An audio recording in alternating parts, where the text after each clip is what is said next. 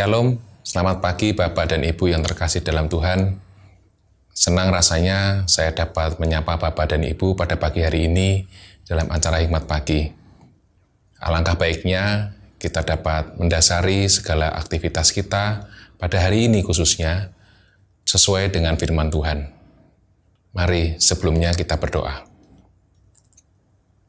Bapak yang baik, Bapak yang bertata dalam kerajaan surga, Terima kasih jikalau pada pagi hari ini Engkau masih memberikan kepada kami kesempatan untuk satu hari lagi hidup di dalam duniamu. Terima kasih Tuhan karena pada pagi hari ini Engkau juga sudah memberikan kepada kami kesempatan untuk sebentar lagi akan mendengarkan sedikit dari firman-Mu yang akan menjadi dasar bagi kehidupan kami, bagi aktivitas kami pada hari ini. Kiranya Tuhan persiapkan hati kami, sehingga apa nanti yang akan disampaikan dapat berguna bagi kami. Terima kasih Tuhan, hanya di dalam nama Tuhan Yesus Kristus kita telah berdoa. Amin. Hikmat pagi pada hari ini mengambil tema belajar dari pergumulan Paulus. Untuk firman yang mendasari pada pagi hari ini diambil dari Injil Roma pasal yang ketujuh, ayat yang ke-25, yang berbunyi demikian. Syukurlah kepada Allah oleh Yesus Kristus Tuhan kita. Demikian firman Tuhan, syukur kepada Allah. Ibu Bapak Jemaat yang dikasih Tuhan Yesus Kristus, ada sebuah kisah jenaka tentang seorang anak dengan seorang tukang potong rambut. Diceritakan ada seorang anak kecil yang sedang berada di sebuah tempat cukur rambut. Ruangan tersebut dipenuhi dengan asap cerutu. Si anak memancat hidungnya dan berseru, "Siapa sih yang merokok di sini?" Sang pemangkas rambut dengan malu-malu mengaku, "Saya." Anak itu bertanya, "Tidakkah Anda tahu bahwa hal itu tidak baik bagi Anda?" "Saya tahu," kata sang pemangkas rambut. Saya sudah mencoba untuk berhenti seribu kali, tetapi saya tidak bisa. Sang anak berkomentar, "Saya mengerti. Saya pun sudah berusaha untuk berhenti mengisap jempol, namun tidak bisa."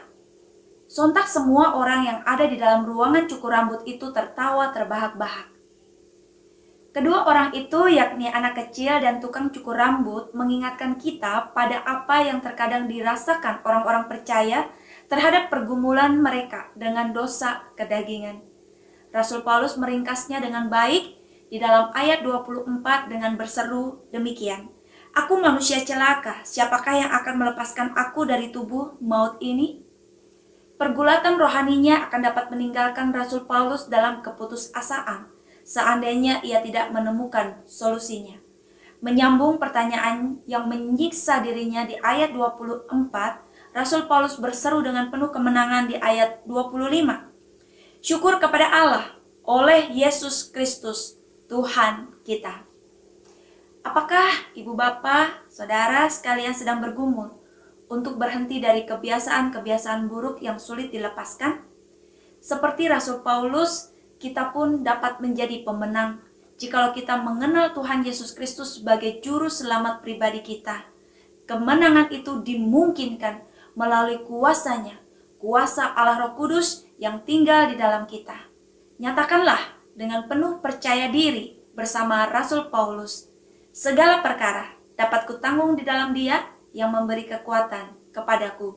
Filipi 4 ayat 13. Kuasa Roh Kudus membuat orang percaya menang dalam berbagai pergumulan hidup. Amin. Mari kita berdoa. Bapak Surgawi, setiap hari, setiap waktu kami mengalami pergumulan demi pergumulan. Di satu sisi kami merindukan untuk hidup sebagaimana yang Tuhan ajarkan. Tapi sering kali kenyataan yang terjadi, kami melakukan tindakan-tindakan yang tidak benar, yang melanggar ketetapan-ketetapanmu dan menyakiti hatimu. Ampunilah kami ya Tuhan. Dan terima kasih untuk kebenaran firman Tuhan yang kau nyatakan melalui Rasul Paulus yang mengingatkan kami bahwa sesungguhnya kuasa Tuhan Yesus Kristus cukup bagi kami untuk memampukan dan menolong kami hidup seturut dengan ketetapan-ketetapan Tuhan. Dan Allah Roh Kudus yang selalu beserta dengan kami tidak akan pernah membiarkan kami hidup menuruti keinginan daging kami. Oleh sebab itulah Bapak Surgawi, kami terus memohon belas kasihan dan kemurahan-Mu serta pimpinanmu sepanjang kehidupan kami. Di dalam nama Tuhan Yesus Kristus, kami sudah berdoa. Amin. Selamat pagi, selamat berkarya Tuhan Yesus memberkati kita semua.